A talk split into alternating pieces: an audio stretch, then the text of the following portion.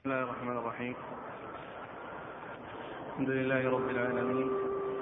والصلاة والسلام على عبد الله ورسوله نبينا محمد وعلى آله وصحبه أجمعين. أما بعد قال الإمام الحافظ أبو عيسى الترمذي يرحمه الله تعالى في جامعه باب ما جاء في كراهية أخذ خيار المال في الصدقة.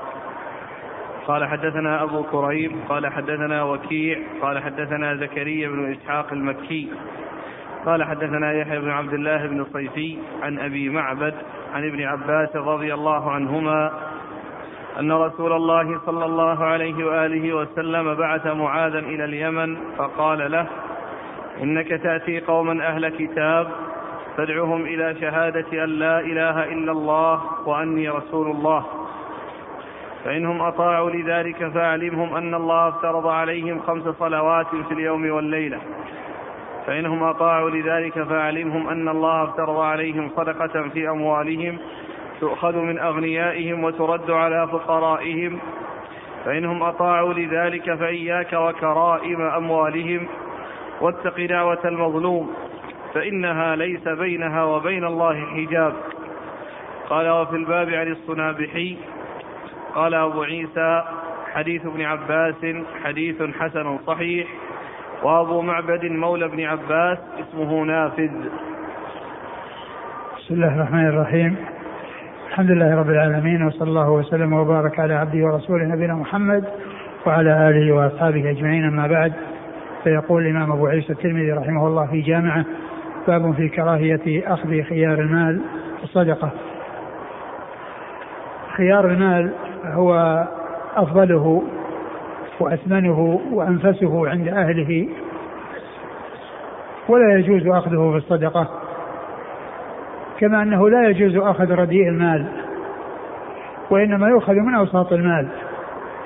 لا يؤخذ من أحسنه ولا من أسوئه وإنما من أوسطه.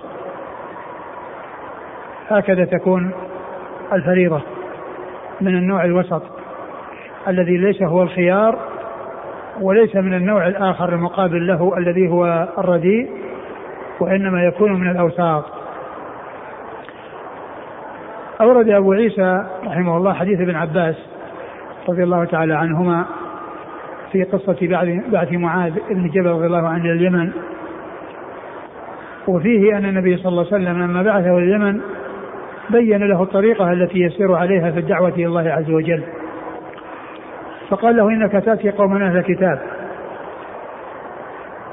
وأهل الكتاب عندهم علم عن الأنبياء. وإن كان حصل عندهم شيء من التحريف والتبديل كما هو موجود في القرآن النص على أنهم حرفوا وبدلوا إلا أن عندهم شيء من العلم الموروث عن الأنبياء. فيكون على علم ومعرفة بأن أمامه أناس لديهم شيء من العلم ولديهم شيء من المعرفة عن الكتب السابقة. و فيكون على علم بأولئك الذين سيذهب إليهم. وفي هذا دليل على أن الإنسان عندما يذهب إلى بلد لدعوة أهلها يحتاج إلى أن يعرف ما عليه أهلها وما عندهم من البدع وما عندهم من الأمور المنكرة التي يحتاج إلى التحذير منها وإلى بيانها فيكون ذلك دافعا له إلى أن يعرف ما قد يورد عليه وما قد يوجه إليه من أولئك الذين سيذهب إليهم فيعرف أحوالهم ويعرف ما عندهم حتى يستعد لهم ويتسلح لهم بالعلم والمعرفة حتى يكون عنده علم أو معرفة لما قد يسألون عنه. ثم إنه صلى الله عليه وسلم أرشده إلى أن يبدأ بالأهم فالأهم الأهم فالمهم. وأهم شيء يدعى إليه وأول شيء يدعى إليه التوحيد. شهادة لا إله إلا الله وشهادة أن محمد رسول الله صلى الله عليه وسلم. وهذا الذي يكون به الدخول في الإسلام. يكون الإسلام بالدخول في شهادتين. الشهادة لله بالألوهية وشهادة نبيه محمد صلى الله عليه وسلم بالرسالة. فهما البداية وهما النهاية. فالإنسان يدخل في الإسلام بكلمة التوحيد ويخرج من الدنيا بكلمة التوحيد. وكان عليه الصلاة والسلام عندما عندما بعثه الله عز وجل يذهب إلى القبائل وإلى أماكن اجتماعهم فيدعوهم إلى الله عز وجل ويقول يا أيها الناس قولوا لا إله إلا الله تفلحوا. قولوا لا إله إلا الله تفلحوا. وهذه هي البداية. والنهاية قال الرسول صلى الله عليه وسلم لقنوا موتاكم لا إله إلا الله فإنه من كان آخر كلام من الدنيا لا إله إلا الله دخل الجنة. فإنه من كان آخر كلام من الدنيا لا إله إلا الله دخل الجنة. وعلى هذا فأهم شيء يدعى إليه التوحيد لأنه الأساس. شهادة لا إله إلا الله وشهادة أن محمد رسول الله. ولا يدعى إلى شيء قبل ذلك. فأهل السنة والجماعة عندهم أول شيء يدعى إليه التوحيد ويبادر إلى أن يدخل في الإسلام وأن يشهد لا إله إلا الله وأن محمد رسول الله. وهذا بخلاف المتكلمين فإن عندهم شيء قبل قبل ذلك النظر أو يقصد إلى النظر وما إلى ذلك وإنما أول شيء يدعى إليه التوحيد شهادة لا إله إلا الله وشهادة أن محمد رسول الله. وهاتان الشهادتان متلازمتان لا تنفك إحداهما عن الأخرى فلا بد من شهادة لا إله إلا الله ومعها شهادة أن محمد رسول الله. وإذا شهد أن لا إله إلا الله ولم يشهد أن محمد رسول الله عليه الصلاة والسلام من بعد من حين بعثه الله إلى قيام الساعة فإن إن ذلك لا ينفعه. ولو زعم أنه تابع لنبي من الأنبياء كاليهود الذين يقولون أنهم أتباع موسى والنصارى الذين يقولون أنهم أتباع عيسى لا ينفعهم ذلك إلا إذا شهدوا أن لا إله إلا الله وأن محمد رسول الله صلى الله عليه وسلم. لأن أمة محمد عليه الصلاة والسلام أمة الدعوة هم كل الإنس والجن. من حين بعثته إلى قيام الساعة. من حين بعثه الله إلى قيام الساعة هؤلاء مدعوون إلى الدخول في هذا الدين ومن لم يدخل فيه فإنه من الكافرين ولهذا ثبت في الصحيح في صحيح مسلم عن النبي صلى الله عليه وسلم أنه قال والذي نفسي بيده لا يسمع بي أحد من هذه الأمة يهودي ولا نصراني ثم لا يؤمن بالذي جئت به إلا كان من أصحاب النار. ثم لا يؤمن بالذي جئت به إلا كان من أصحاب النار. فهذا يدلنا على أنه لا بد مع الشهادة لله بالوحدانية من لا بد من الشهادة لنبيه محمد صلى الله عليه وسلم بالرسالة و آه، وشهادة أن لا إله إلا الله تعني الإخلاص لله عز وجل وإخلاص العبادة له سبحانه وتعالى وشهادة أن محمد رسول الله تعني تجريد المتابعة له عليه الصلاة والسلام وأن يعبد الله طبقا لشريعته لا يعبد بالبدع والمنكرات والمحدثات وإنما يعبد آه، بما جاء به الرسول الكريم عليه الصلاة وأتم التسليم فدين الإسلام مبني على أمرين. أساسيين أحدهما ألا يعبد إلا الله والثاني والثاني ألا يعبد الله إلا طبقا لما جاء به رسول الله صلى الله عليه وسلم. وشهادة لا إله إلا الله آه، آه، مقتضاها الإخلاص وشهادة أن محمد رسول الله مقتضاها المتابعة للرسول صلى الله عليه وسلم. فلا بد من الإخلاص ولا بد من المتابعة. ولهذا كل عمل من الأعمال لا ينفع صاحبه عند الله إلا إذا توفر فيه هذان الأمران الأساسيان آه، الإخلاص لله وحده والمتابعة للرسول الكريم عليه أفضل الصلاة وأتم التسليم. وهما توحيدان لا بد منهما توحيد الرسول وتوحيد المرسل توحيد المرسل بالعبادة وتوحيد الرسول بالمتابعة وتوحيد الرسول صلى الله عليه وسلم بالمتابعة. فهو الذي يعبد الله طبقا لما جاء به رسوله صلى الله عليه وسلم فلا يعبد الله بالبدع والمحدثات والمنكرات وإنما يعبد بما جاء به الرسول الكريم عليه أفضل الصلاة وأتم التسليم من الكتاب والسنة آه، آه، اللذان هما الوحي وهما الينبوعان الصافيان النقيان آه، اللذان في الأخذ بهما كل خير وفي الإعراض عنهما كل شر. ففيه البدء بالأهم وأهم شيء التوحيد وأهم شيء التوحيد إخلاص العبادة لله وتجريد المتابعة لرسول الله صلى الله عليه وسلم. قال فإنهم اطاعوا فإنهم أطاعوا لذلك أي إن انقادوا لذلك واستسلموا وانقادوا وشهدوا أن لا إله إلا الله وأن محمد رسول الله واستجابوا لما دعوتهم إليه فإنك تنتقل بعد ذلك إلى الأمر الذي يليه وهو إعلامهم أن الله افترض عليهم خمس صلوات في كل يوم وليلة.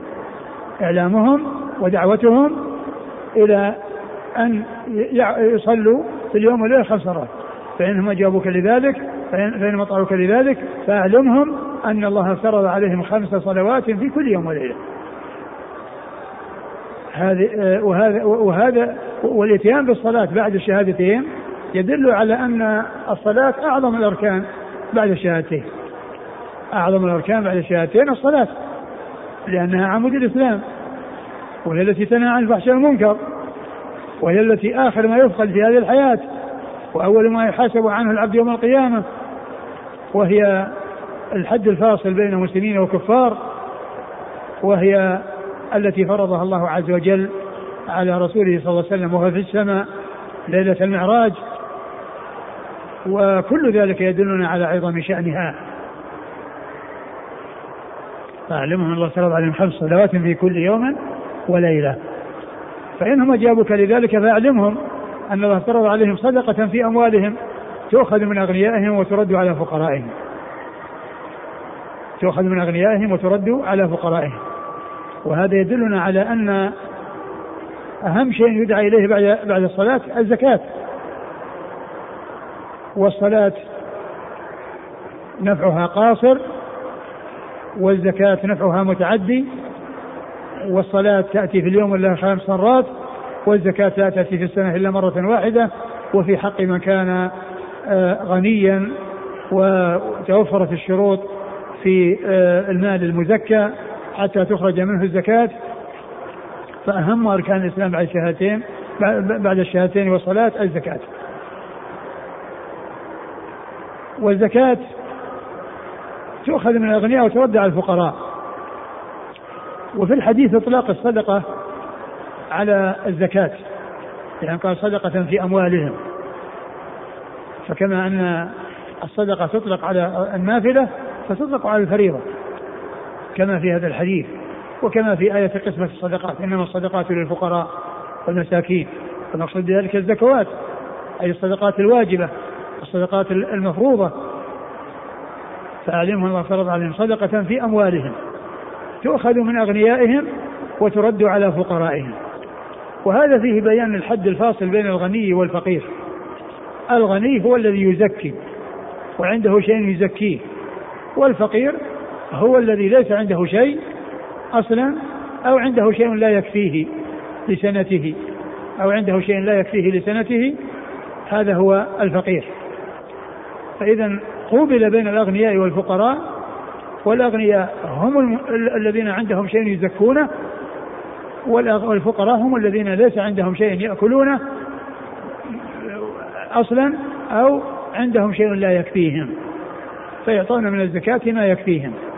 فيعطون من الزكاة ما يكفيهم. فهذا الحديث فيه التمييز بين الأغنياء والفقراء وأن الغني هو الذي صار عنده مال يزكيه والفقير هو الذي ليس عنده شيء. ثم فيه ذكر هنا الفقراء. والفقراء يأتي أحيانا ذكرهم مع المساكين, مع المساكين وأحيانا يأتي ذكرهم على سبيل الإفراد ولهذا في آية الصدقات ذكر الفقراء والمساكين. صنفان من أصناف الثمانية الفقراء والمساكين. وفي حديث معاذ حديث بعث معاذ إلى اليمن ذكر الفقراء دون المساكين. ومن المعلوم أن لفظ الفقير والمسكين من الألفاظ التي إذا جمع بينها في الذكر فرق بينها في المعنى.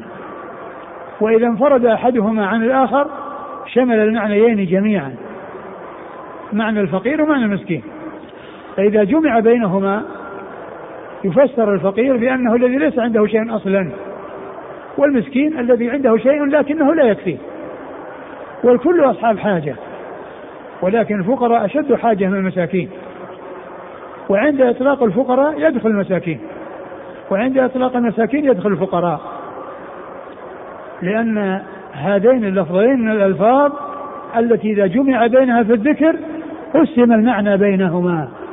وإذا انفرد أحدهما عن الآخر شمل المعنيين. ففي حديث معاذ هذا أو قصة بعث معاذ صدقة في ترد على فقرائهم المقصود من ذلك الذين عندهم شيء لا يكفيهم أو عندهم شيء ليس عندهم شيء أصلا كل ذلك يدخل تحت كلمة الفقراء في هذا الحديث وإن كان هو عند وإن كان مع أنه عند ذكر الفقراء والمساكين يكون المساكين لهم معنى والفقراء لهم معنى بحيث يوزع المعنى بينهما فيعطى الفقير المعنى الذي ليس عنده شيء أصلا ويعطى المساكين الذين عندهم شيء لكنه لا يكفيهم. فهي من الالفاظ التي إذا جمع بينها بالذكر وزع المعنى بينهما. وإذا انفرد أحدهما الآخر شمل المعنيين. وهذا مثل لفظ الإيمان والإحسان. لفظ الايمان الإيمان والإسلام. إذا جمع بينهما في الذكر فسر الإيمان بالأعمال الباطنة والإسلام بالأعمال الظاهرة. وإذا جاء الإسلام وحده دخل فيه الظاهرة والباطنة. وإذا جاء الإيمان وحده دخل فيه الظاهرة والباطنة.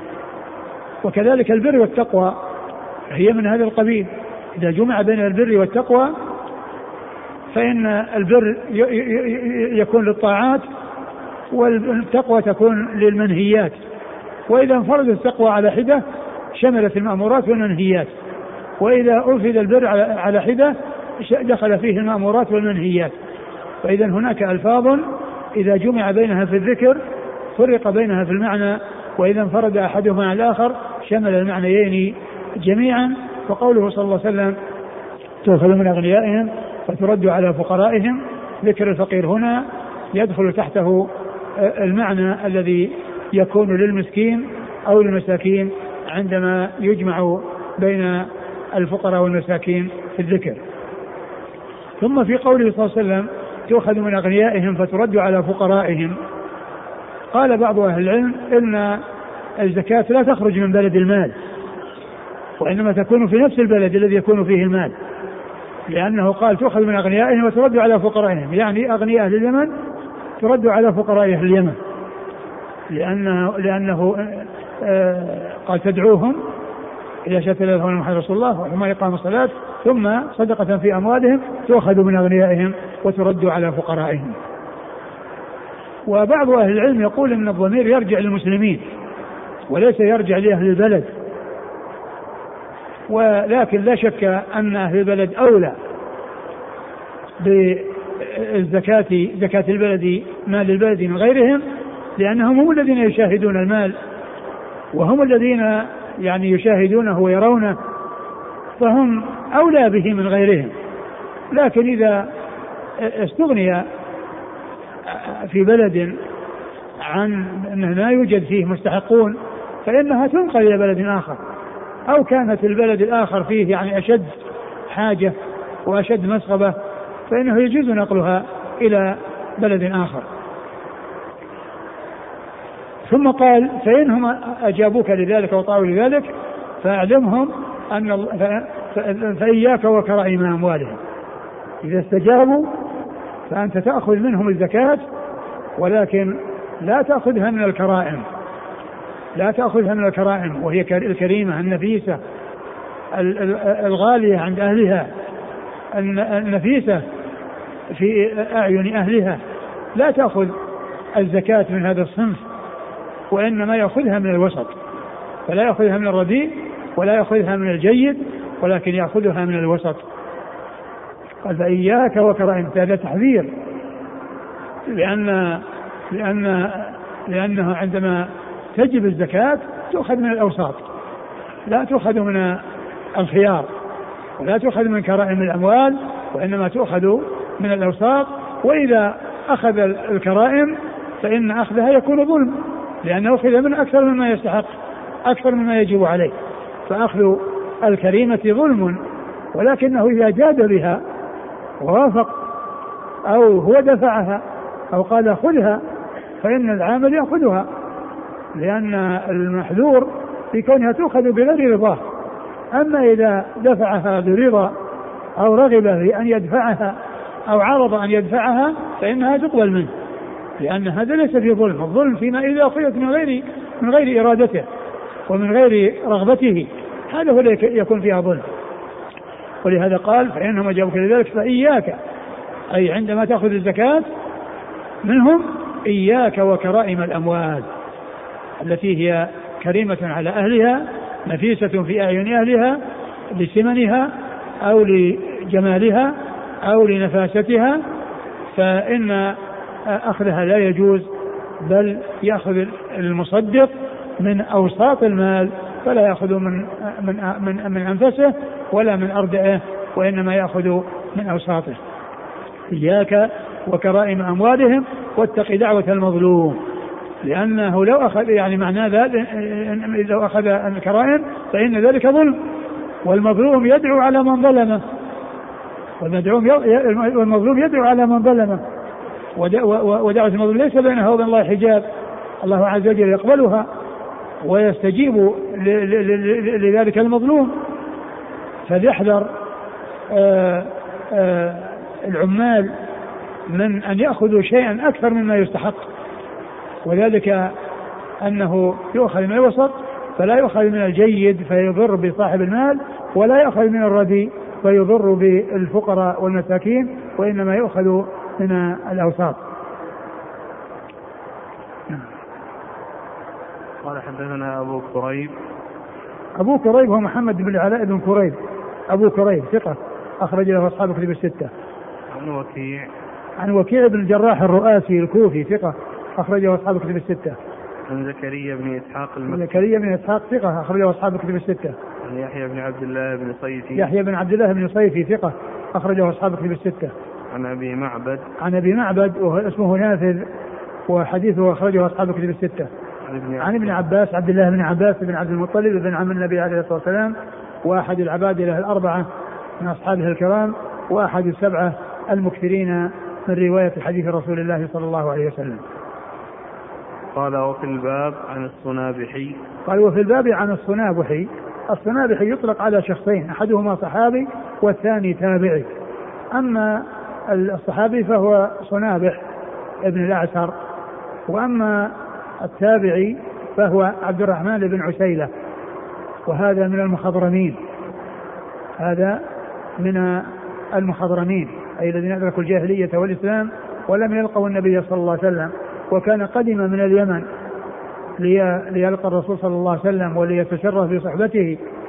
فلما كان في الجحفة في طريقه إلى المدينة جاء ركب من المدينة وأخبروهم وأخبروه والذين معه بأن الرسول صلى الله عليه وسلم توفي. بأن الرسول صلى الله عليه وسلم توفي. فكان في طريقه إلى الرسول صلى الله عليه وسلم قدم من اليمن وفي عندما وصل الجحفة جاء ركب من المدينة أخبروا بأن الرسول صلى الله عليه وسلم توفي فلم يظهر بشرف الصحبة ولم يكن صحابيا من أصحاب رسول الله صلى الله عليه وسلم. و آه، نافذ آه، هذا اللي هو صنابح من خرج له؟ صنابح صحابي أخرجه ابن ماجه. صحابي صنابح أخرجه ابن ماجه. وأما عبد الرحمن بن عسيلة أخرجه أصحاب الكتب. نعم. أخرجه أصحاب الكتب الستة.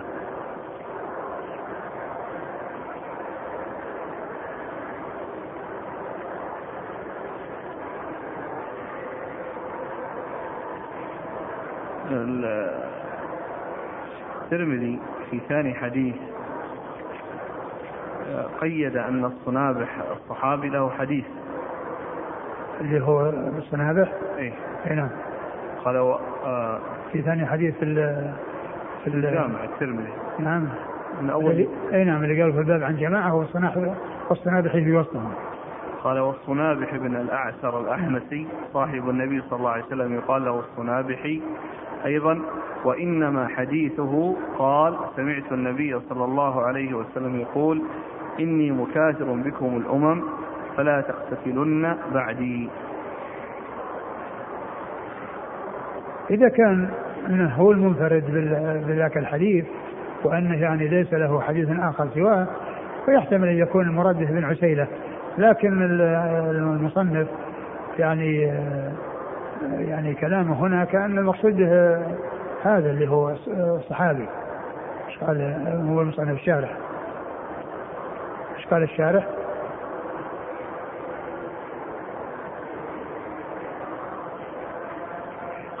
قال في الباب عن الصنابح هو صنابح بن الأعسر قال الحافظ التقريب الصنابح بن أعتر الأحمسي صحابي سكن الكوفة ومن قال فيه الصنابحي فقد وهم. ثم قال سراج أحمد السرهندي في شرح الترمذي أخرج حديثه حديثه ابن أبي شيبة قال أبصر النبي صلى الله عليه وسلم ناقة حسنة في إبل الصدقة فقال ما هذه؟ قال صاحب الصدقة. إني ارتجعتها ببعيرين من حواشي الإبل. قال النبي صلى الله عليه وسلم فنعم إذا فكان يعني هذا الحديث الذي يقصد الذي عند ابن شيبة يعني ليس ذاك الذي عند ابن ماجه. يعني عند ابن ماجه يعني في الكتب الستة. يعني له حديث عند ابن ماجه.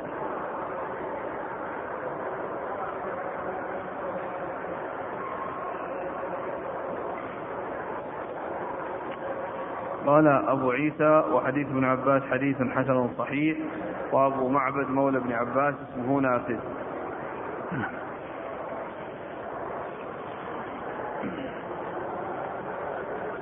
متى كان بعث معاذ إلى اليمن؟ قيل أنه في السنة التاسعة. ثم الحديث ليس فيه ذكر الصوم والحج وإنما اكتفي بذكر الثلاثة. طبعا الشهادتين هي الأساس لأن دخول الإسلام فيهما. لكن من الأعمال أتي بالصلاة والزكاة وقد قيل إن الاقتصار عليهما لأن من أقر بهما فإنه من السهل عليه أن يأتي بما سواهما. لأن الصلاة هي من أعمال البدن ومعلوم أن نفعها قاصر وليس بمتعد ولكنها متكررة في اليوم والليلة. فالذي يستسلم وينقاد لأن يصلي في اليوم والليلة خمس مرات من السهل عليه أن يصوم شهرا في السنة. وهو عمل أيضا بدني ونفعه قاصر ليس بمتعدي. وكذلك من سهل عليه أن يؤدي الزكاة من السهل عليه أن ينفق للحج والحج لا يكون في العمر إلا مرة واحدة. وكذلك أيضا أن يكون يعني يتعب وينصب. وهي مرة واحدة في العمر من السهل عليه لأن من أتى بالصلاة وهي رأس العبادات البدنية والزكاة التي هي رأس العبادات المالية فإنه من السهل أن يأتي بما آه، آه، سواهما.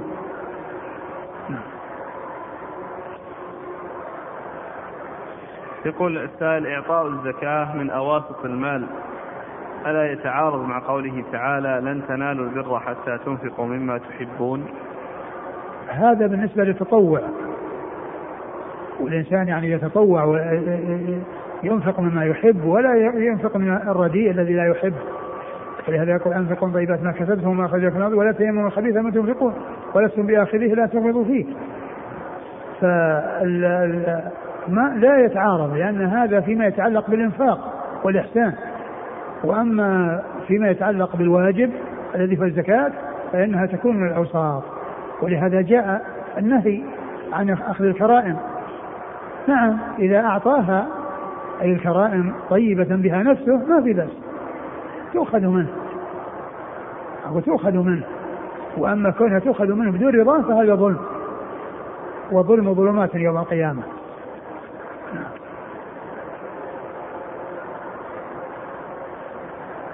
يقول هل يصح الاستدلال بهذا الحديث على أن أن الكفار غير مخاطبين بفروع الشريعة؟ نعم بعض أهل العلم قال هذا على أن الكفار غير مخاطبين بفروع الشريعة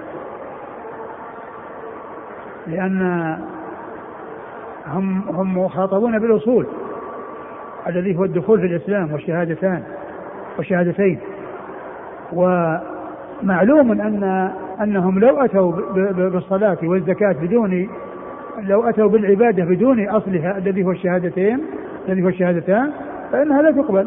لقوله صلى الله لقوله سبحانه وتعالى وقدمنا إلى ما عملوا من عمل فجعلناه هباء منثورا. وقدمنا إلى ما عملوا من عمل فجعلناه هباء منثورا. لكن بعض أهل العلم يقول إن إنهم مخاطبون آه، بالفروع وفائدة خطابهم أنهم يعاقبون على ترك الأصول وترك الفروع. ومن المعلوم أن الكفار متفاوتون كما أن المؤمنين متفاوتون فالمؤمنون درجات والكفار دركات.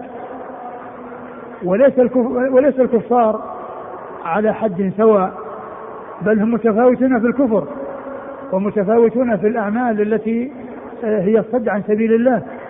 ولهذا يقول الله عز وجل الذين كفروا وصدوا عن سبيل الله زدناهم عذابا فوق العذاب.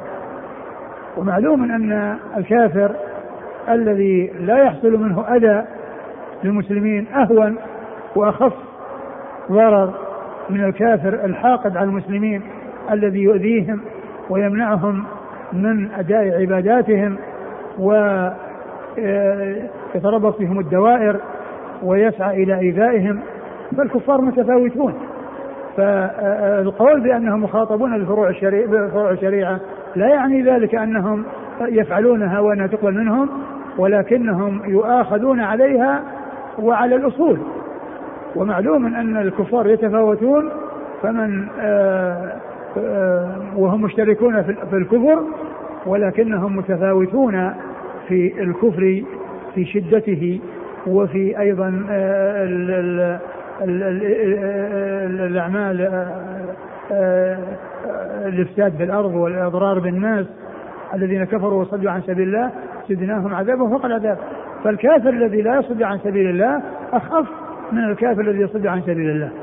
ويعاقب الكافر على كفره وعلى صده عن سبيل الله إذا صد عن سبيل الله. فكذلك أيضا يعاقب على ترك الأصول وعلى ترك الفروع. والحديث استدل به بعض أهل العلم على أن الكفار غير مخاطبين بفروع الشريعة لكن القول الصحيح أنهم مخاطبون.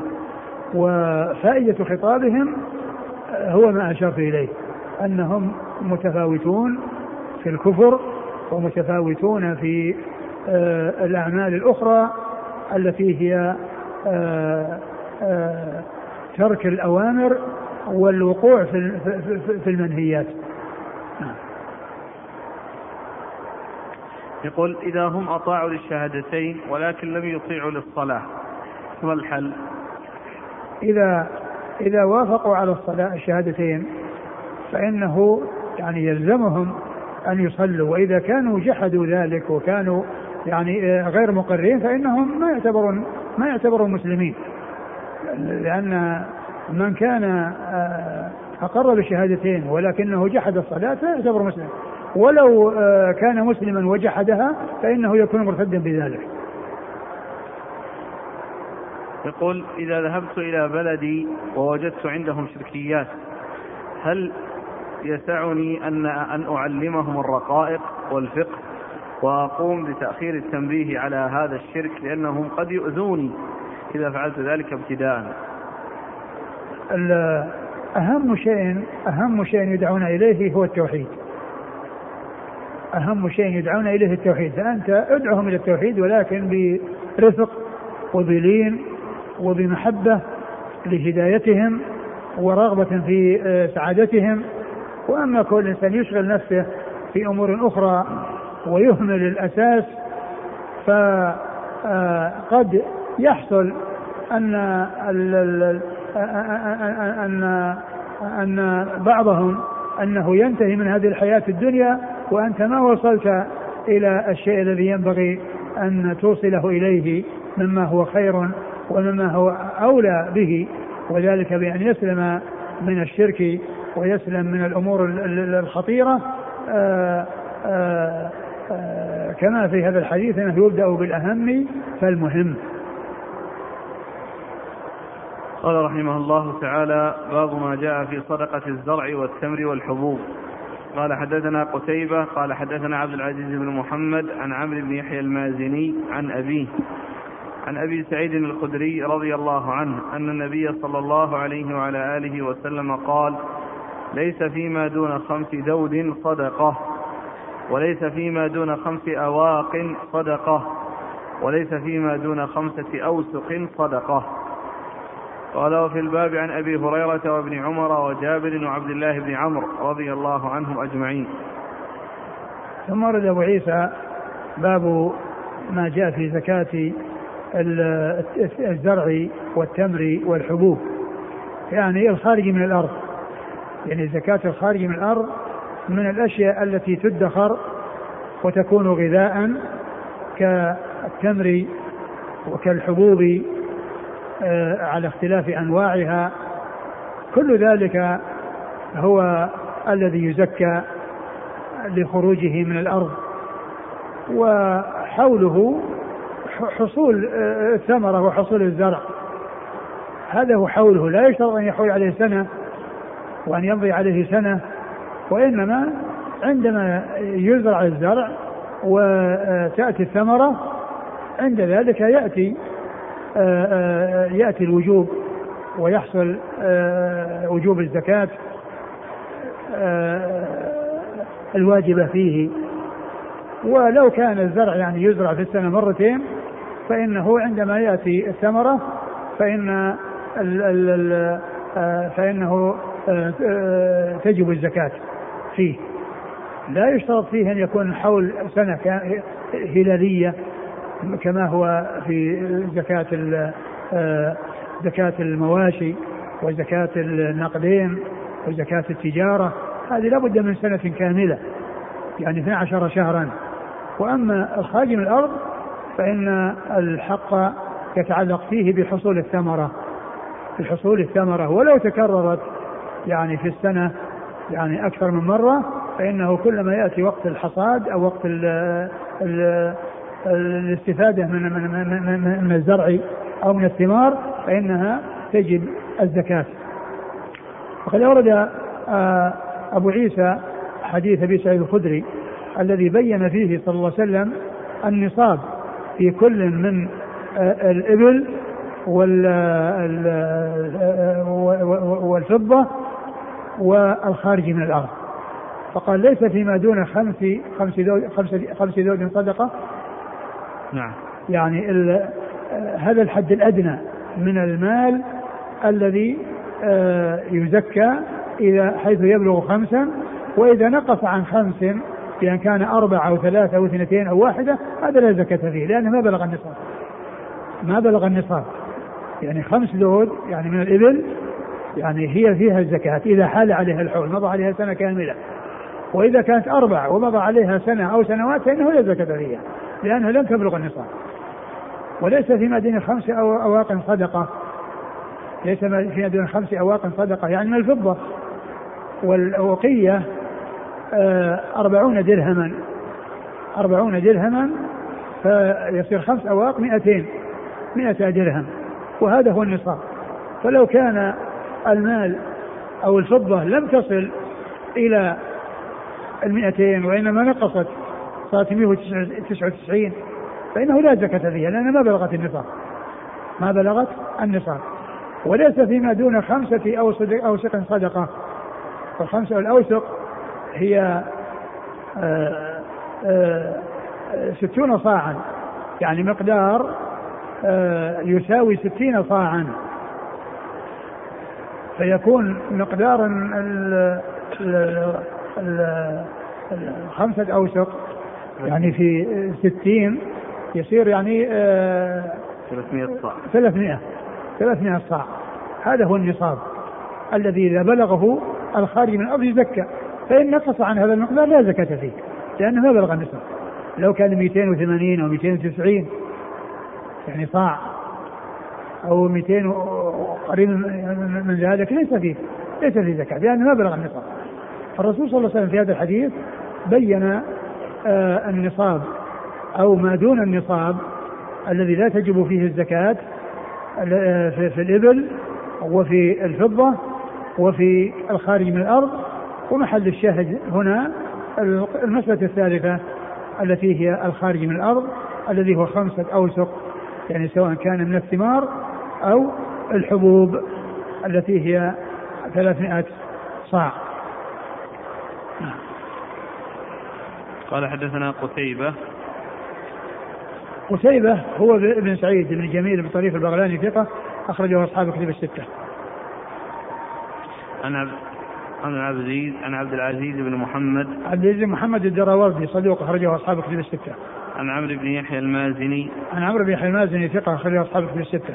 عن أبيه عن أبيه كذلك ثقة أخرجه أصحاب كتب الستة. عن أبي سعيد عن أبي سعيد الخدري هو سعد بن مالك بن سنان رضي الله عنه أحد السبعة المكثرين في رواية حديث رسول الله صلى الله عليه وسلم قال وفي الباب عن أبي هريرة أبو هريرة عبد الرحمن بن صخر الدوسي صاحب رسول الله صلى الله عليه وسلم وأكثر أصحابه حديثا. وابن عمر. وابن عمر عبد الله بن عمر بن الخطاب رضي الله عنهما أحد العبادلة وأحد السبعة المعروفين بكثرة الحديث. وجابر.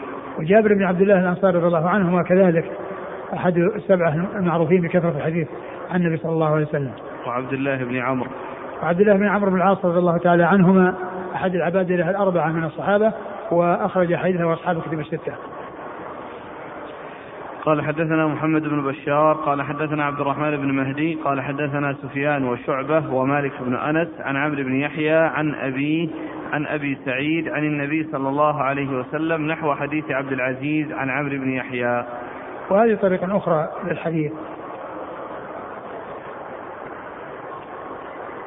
قال حدثنا محمد بن بشار محمد بن بشار هو الملقب بن دار ثقة أخرجه أصحاب الكتب الستة وهو شيخ لأصحاب الكتب الستة. عن عبد الرحمن بن مهدي عبد الرحمن بن مهدي ثقة أخرجه أصحاب الكتب الستة. عن سفيان وشعبة ومالك. عن سفيان هو ثوري سفيان بن سعيد مسروق الثوري ثقة أخرجه أصحاب الكتب الستة وشعبة بن الحجاج الواسطي ثم البصري ثقة أخرجه أصحاب الكتب الستة ومالك وابن أنس إمام دار الهجرة المحدث الفقيه أحد أصحاب المذاهب الأربعة المشهورة من مذاهب السنة وحديث أخرجه أصحاب الكتب الستة. عن عمرو عن عمرو بن يحيى عن أبيه عن أبي سعيد. نعم.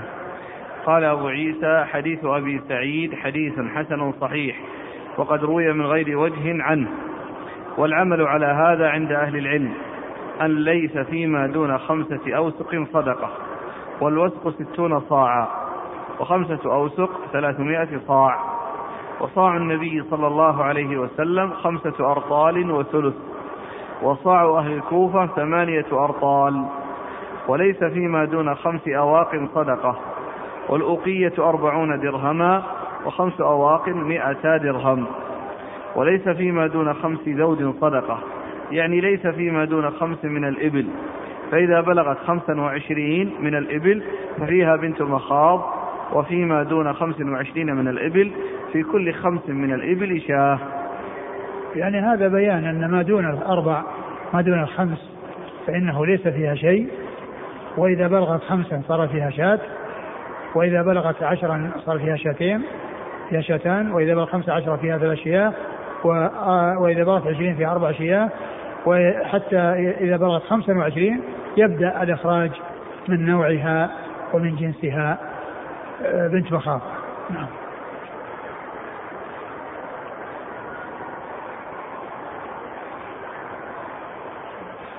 يقول السائل هل الزكاة في الثمار البعلية؟ أم في البعلية والمروية معا؟ الثمار الزكاة تكون في البعلي وغير البعلي الذي يسقى بماء الأمطار ماء السيول والذي يسقى بالسواني والنضح والتعب أو المضخات التي يستنبط بها الماء. فإن ما كان آه ليس فيه كلفة وليس فيه مشقة كالذي يسقى بماء الأمطار يجب فيه العشر وما كان يسقى بكلفة ومشقة يجب فيه نصف العشر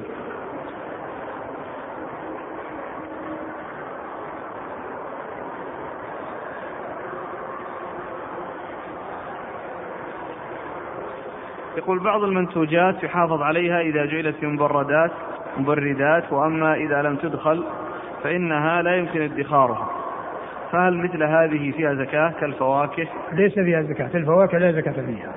والخضروات لا زكاة فيها. وإنما الزكاة هي في في الحبوب والثمار التي هي غذاء وطعام.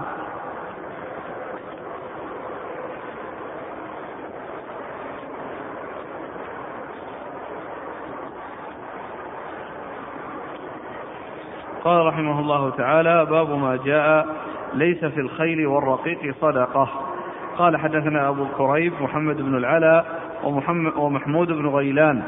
قال حدثنا وكيع عن سفيان وشعبة عن عبد الله بن دينار عن سليمان بن يسار عن عراك بن مالك عن أبي هريرة رضي الله عنه أنه قال قال رسول الله صلى الله عليه وآله وسلم ليس على المسلم في فرسه ولا في عبده صدقة.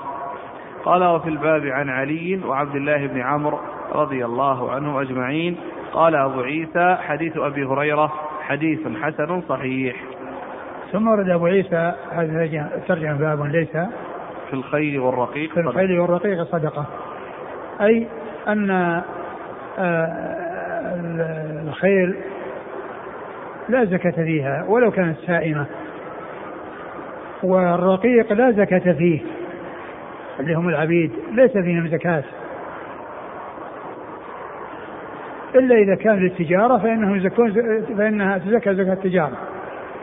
زكاة عروض تجارة. إذا كانت الخيل للتجارة أو أو أو أو العبيد للتجارة فإنهم يزكون زكاة تجارة.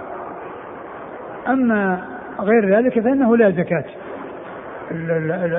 العبيد اللي يخدمون الإنسان ويشتغلون عنده لخدمته ليس فيهم زكاة. والخيل لا زكاة فيها سواء كان استعملها أو لم يستعملها. ومعلوم أن بهيمة الأنعام إذا استعملها لا زكاة فيها لأن الدواب التي يركبها من الإبل فإنه لا زكاة فيها والتي يستخدمها لا زكاة فيها فإن الزكاة في في السائمة. إذا حال عليها الحول وهي ترعى أكثر حول فإنها تزكى. غير بهيمة الأنعام لا يزكى. أي حيوان وأي دواب سواء كانت خيل أو بغال أو حمير أو ما إلى ذلك. إلا إذا كانت للتجارة فإنها تزكى. إذا كانت للتجارة فإنها لا تزكى. وقد أورد أبو عيسى رحمه الله حديث أبي هريرة نعم. ليس على المسلم في فرسه وعبده نعم. صدقة. وفرسه وعبده هذا المقصود به الجنس ليس المقصود به الوحدة. وأن فرس واحد وعبد واحد وإن به؟ خيله وعبيده. وهنا مفرد مضاف إلى معرفة فيعم ليس المقصود به الشيء الواحد يعني من الخيل أو العبيد وإنما المقصود به العموم. فليس له عليه في عبيده ولا في خيله شيء من الصدقة. نعم. قال حدثنا أبو كريب محمد بن العلاء ومحمود بن غيلان. أبو أبو كريب مر ذكره. محمود بن غيلان هو الدمشقي ثقة أخرجه أصحاب كتب الستة إلا أبا داود. عن وكيع. وكيع مر ذكره. عن سفيان وشعبة عن عبد الله بن دينار. وشعبة وكيع مر ذكره وسفيان مر ذكرهما وعبد الله بن دينار ثقة أخرجه أصحاب الكتب الستة. عن سليمان بن يسار. سليمان بن يسار وهو ثقة وهو أحد فقهاء المدينة السبعة في عصر التابعين. أخرج له أصحاب الكتب الستة. عن أبي هريرة عن عراك بن مالك وهو ثقة أخرجه أصحاب الكتب الستة. عن أبي هريرة. عن أبي هريرة وقد مر ذكره. قال وفي الباب عن علي وعبد الله بن عمرو. علي بن أبي طالب رضي الله عنه أمير المؤمنين ورابع الخلفاء الراشدين الهادين المهديين صاحب المناقب الجمة والفضائل الكثير رضي الله عنه وأرضاه وحديثه عند اصحاب الكتب الستة وعبد الله بن عمرو مر ذكره. قال أبو عيسى حديث أبي هريرة حديث حسن صحيح والعمل عليه عند أهل العلم أنه ليس في الخيل السائمة صدقة لا ولا في الرقيق إذا كانوا للخدمة صدقة إلا أن يكونوا للتجارة فإذا كانوا للتجارة ففي أثمانهم الزكاة إذا حال عليها الحول. قال رحمه الله تعالى باب ما جاء في زكاة العسل قال حدثنا محمد بن يحيى النيسابوري قال حدثنا عمرو بن أبي سلمة التنيسي عن صدقة بن عبد الله عن موسى بن يسار عن نافع عن ابن عمر رضي الله عنهما أنه قال قال رسول الله صلى الله عليه وآله وسلم في العسل في كل عشرة أزق زق. وفي الباب عن أبي هريرة وأبي سيارة المتعي وعبد الله بن عمرو رضي الله عنهم أجمعين. قال أبو عيسى حديث ابن عمر في إسناده مقال ولا يصح عن النبي صلى الله عليه وسلم في هذا الباب كبير شيء والعمل على هذا عند أكثر أهل العلم وبه يقول أحمد وإسحاق. وقال بعض أهل العلم ليس في العسل شيء وصدقة ابن عبد الله ليس بحافظ. وقد خولف صدقة ابن عبد الله في رواية هذا الحديث عن نافع. انتهى؟ قال حدثنا محمد بن بشار قال حدثنا عبد الوهاب الثقفي قال حدثنا عبيد الله بن عمر النافع قال سألني عمر بن عبد العزيز عن صدقة العسل قال قلت ما عندنا عسل نتصدق, نتصدق منه ولكن أخبرنا المغيرة بن حكيم أنه قال ليس في العسل صدقة فقال عمر عدل مرضي فكتب إلى الناس أن توضع يعني عنهم. انتهى. ثم ورد أبو عيسى رحمه الله باب ما جاء في زكاة العسل. يعني هل يزكى أو لا يزكى؟ وبعض أهل العلم قال بزكاته والترمذي حكى القول عن أكثر العلماء. وغيره يعني حكى أن أكثر العلماء على خلاف هذا القول وأنه لا زكاة في لا زكاة في العسل. ليس في العسل زكاة. وهذا حكاه ابن المنذر وغيره أن أن أن أكثر أهل العلم أو الجمهور على أنه لا زكاة في العسل. والذين قالوا بالعسل أو بزكاة العسل استدلوا بهذه الأحاديث التي وردت لكن ليس فيها ليس منها شيء صحيح. أقول ليس لم يصح منها شيء. هذه الأحاديث التي وردت في العسل لم يصح منها شيء. وما كان مقاربا آه، فإنه ليس نصا في آه، وجوب الزكاة في العسل وإنما كان مبنيا على كون فيه حمى وأنه يحمى له وكأنه أتى به متبرعا متصدقا ليس واجبا عليه. فالحديث التي وردت في هذا لا تسلم من مقال. يعني منها يعني فيها من هو متروك وفيها من هو ضعيف فهي غير ثابتة. ولهذا فالأظهر أنه لا يجب في العسل آه، زكاة.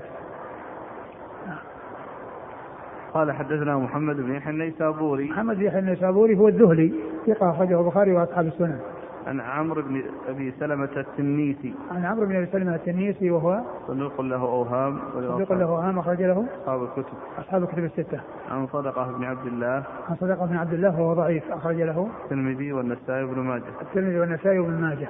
عن موسى بن يسار. موسى بن يسار مقبول أخرج له.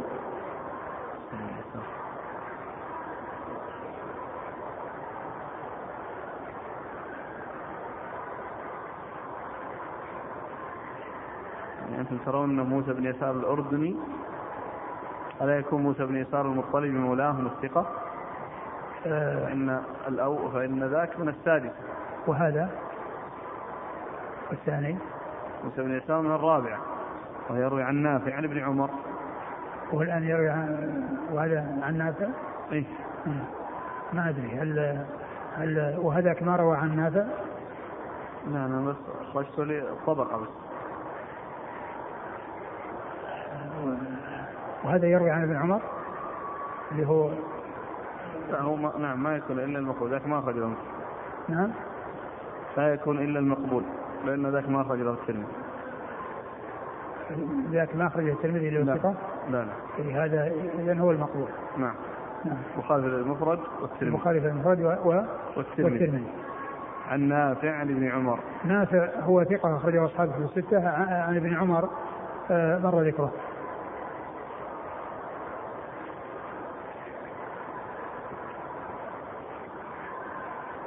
والمتن أنه يخرج من كل عشرة يعني ازق زق أي يعني تكون العشر.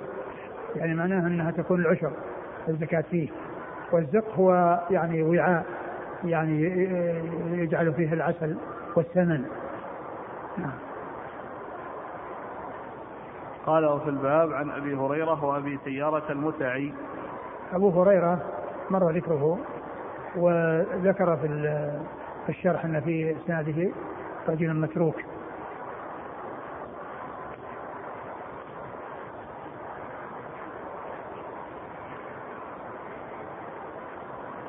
أما حديث أبي هريرة فأخرجه عبد الرزاق عنه قال كتب الرسول صلى الله عليه وسلم إلى أهل اليمن أن يؤخذ من العسل العشر وبإسناده عبد الله بن محرر قال البخاري في تاريخه عبد الله متروك ولا يصح في زكاة العسل شيء كذا في فتح الباري. وأبي سيارة المتعي. هو؟ صحابي أخرج له ابن ماجه. أبو سيارة المتعي صحابي أخرج له ابن ماجه. واشكال في حديث؟ منقطع. نعم. أحمد وأبي داود بن ماجه. قال قلت يا رسول الله إن لي نحلا. قال فأدي العشور. الحديث هو منقطع. قال ابن عبد البر لا يقوم به بهذا حجة. نعم. عبد الله نعم بن عمرو. قال حديث عبد الله بن عمرو خرجه أبو داود والنسائي من طريق عمرو بن شعيب عن ابيه عن جده قال جاء هلال أحد بني مسعان إلى رسول الله صلى الله عليه وسلم بعشور نحل له وكان سأله أن يحمي له واديا فحماه له فلما ولي عمر كتب إلى عامله إن أدى إليك عشور نحله فاحمله سلبه وإلا فلا. قال الحافظ بعد ذكره آه، إسناده صحيح إلى عمرو. وترجمة عمرو قوية على المختار. إيه، يعني معناه إذا صح الإسناد إلى عمرو بن شعيب فالحديث ثابت. لكن حيث لا تعارض. لا يقل عن الحسن نعم. لكن حيث لا تعارض وقد ورد ما يدل على أن هلالا أعطى ذلك تطوعا. فعند عبد الرزاق عن صالح بن دينار عن عمرو بن عن عمر بن عبد العزيز قال كتب إلى عثمان بن محمد ينهاه أن يأخذ من العسل صدقة. إلا إن كان النبي صلى الله عليه وسلم أخذها. فجمع عثمان أهل العسل فشهدوا أن هلال بن سعد قدم على النبي صلى الله عليه وسلم بعسل. فقال ما هذا؟ قال صدقة. فأمر برفعها ولم يذكر العشور لكن الإسناد الأول أقوى إلا أنه محمول على أنه في مقابلة الحمى كما يدل عليه كتاب عمر بن الخطاب. انتهى كلام الحافظ. نعم يعني ما هذا الحديث يعني مو واضح لأنه يعني أنه قد يكون في مقابل الحمى وأن يكون متبرعا. والبخاري قال لم يصح فيه شيء والترمذي قال لم يصح فيه شيء. الإخوة يسألون عن تصحيح الشيخ الألباني ما وجهه؟ ما أدري يعني كأنه كان الأشياء الأشياء المتجمعة هذه. يعني رأى أنه يضم بعضها إلى بعض. نعم.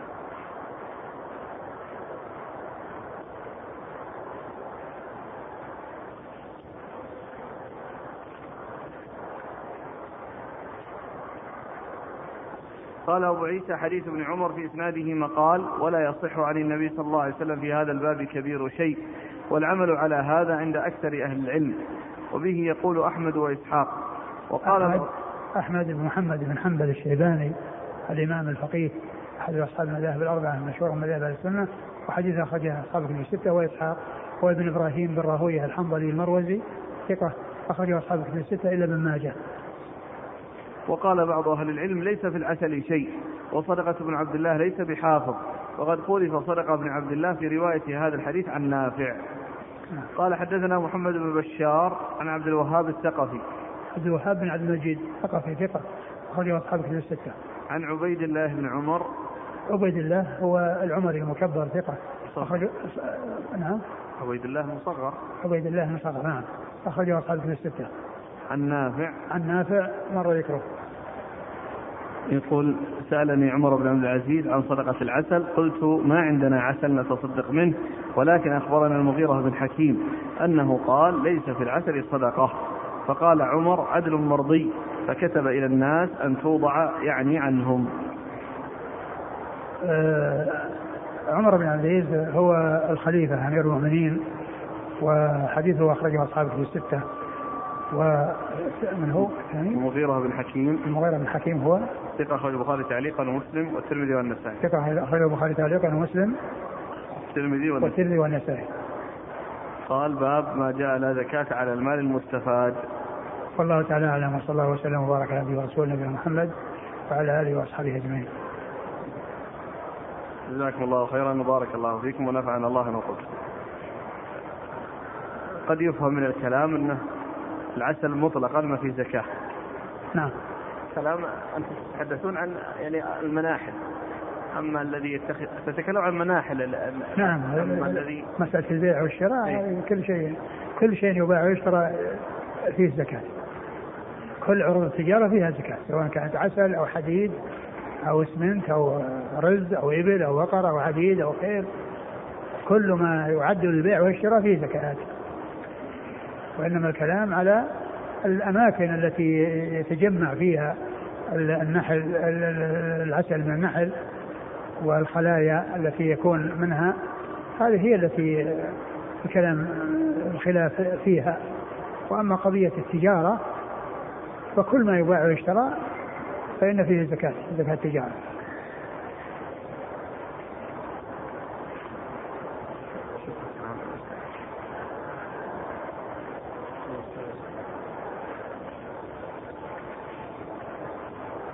يقول السائل زكاة الفطر جاء في الحديث أنها تعطى للمساكين. فهل معنى ذلك أنها تصرف للفقير والمسكين؟ نعم تعطى للفقير والمسكين. وبقية الأصناف الثمانية؟ لا ما تصرف لأنها خاصة خاصة بالفقراء والمساكين.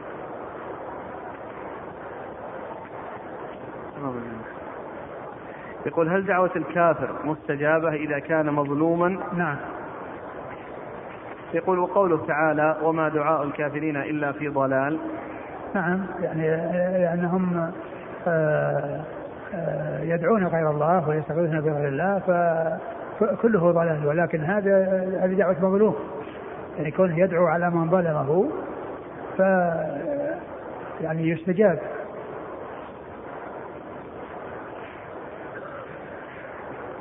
هل المظلوم الأولى والأفضل له؟ أن يدعو على الظالم أو يصبر. لا الأولى له أن يصبر.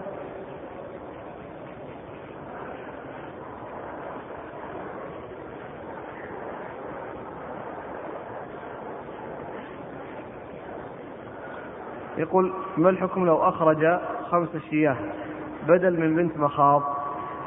مع أنها عنده هل تجزئه؟ يخرج الشيء الذي ورد. يخرج الشيء الذي ورد.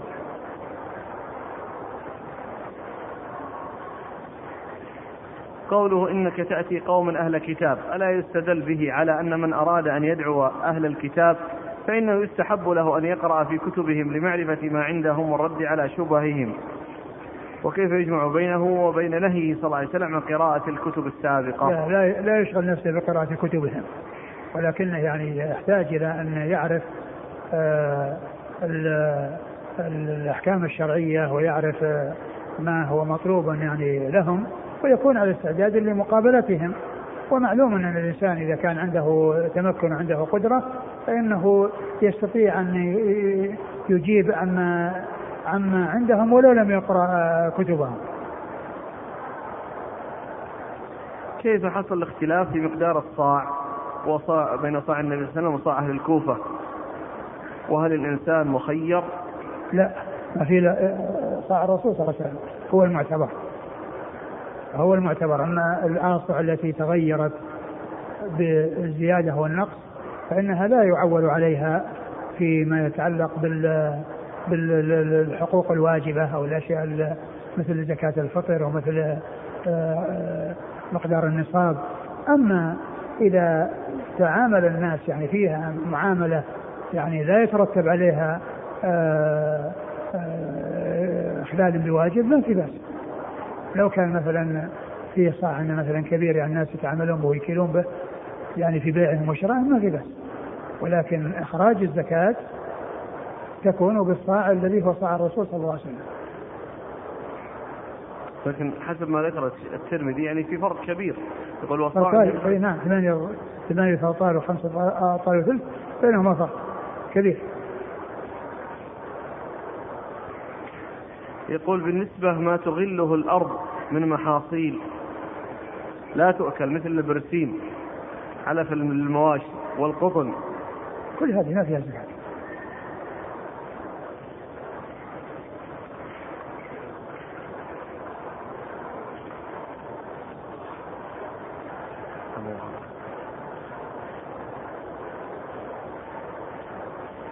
يقول آه، في بلدنا بعد صلاة الجمعة يقف بعض الكفار المتسولين بعض إيش؟ الكفار آه. المتسولين فهل يجوز أن يعطيهم شيء من الصدقة؟ التطوع نعم يعطونهم أما الواجبة لا يعطون منها إذا كان فيه تعريف للإسلام أو إعطاء للتعريف الإسلام يجوز لأن من مصارف الزكاة الثمانية والمؤلفة قلوبهم. لكن آه، مثل هؤلاء المتسولين أو اللي آه، يعطون من غير الزكاة.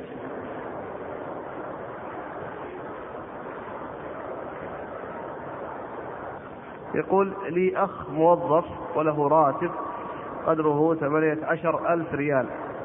وعليه من الديون المتفرقة قدرها 180 ألف ريال. ويصرف على ثلاثة أسر وعنده مزرعة وقليل من الغنم. ولا يمر عليه عشرة أيام من الشهر أو أكثر إلا وهو يستدين ليصرف على أسره ونفسه. فهل يجوز لي أن أعطيه زكاة مالي؟ أعد السؤال. له أخ يستلم راتب 18 ألف ريال. وعليه من الديون 180 ألف. وهو يصرف على ثلاثة أسر وعنده مزرعة وقليل من الغنم ولا يمر عليه عشرة أيام من الشهر أو أكثر إلا وهو يستدين ليصرف على أسره ونفسه. فهل يجوز لي أن أعطيه زكاة مالي؟ والله يعني يبدو أن هذا متوسع. يعني في راتبه 18000 وعنده ثلاث أسر يعني معنى ذلك أنه أنه يعني متوسع في الصرف. وإنما عليك أنك تنصحه أنه يعتدل ويتوسط وألا يسرف. وإذا أردت أن تساعده ساعده من مالك من غير الزكاة. لأن الأقارب لهم حقوق غير الزكاة. وبعض الناس آه، يتخلص من الحقوق الواجبة عن طريق الزكاة. يقول الزكاة خارجة خارجة. وأنا إذا ما أعطيته إذا ما أعطيته من الزكاة معناه أنه يضطر أعطيه من مالي. فيتخذ الزكاة وقاية للمال.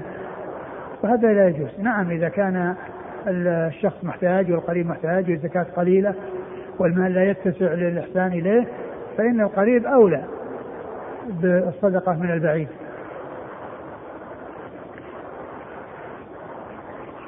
يقول لدي محل لبيع المواد الغذائية وفي شهر رمضان من كل سنة يحول علي الحول وأخرج زكاته في آخر رمضان.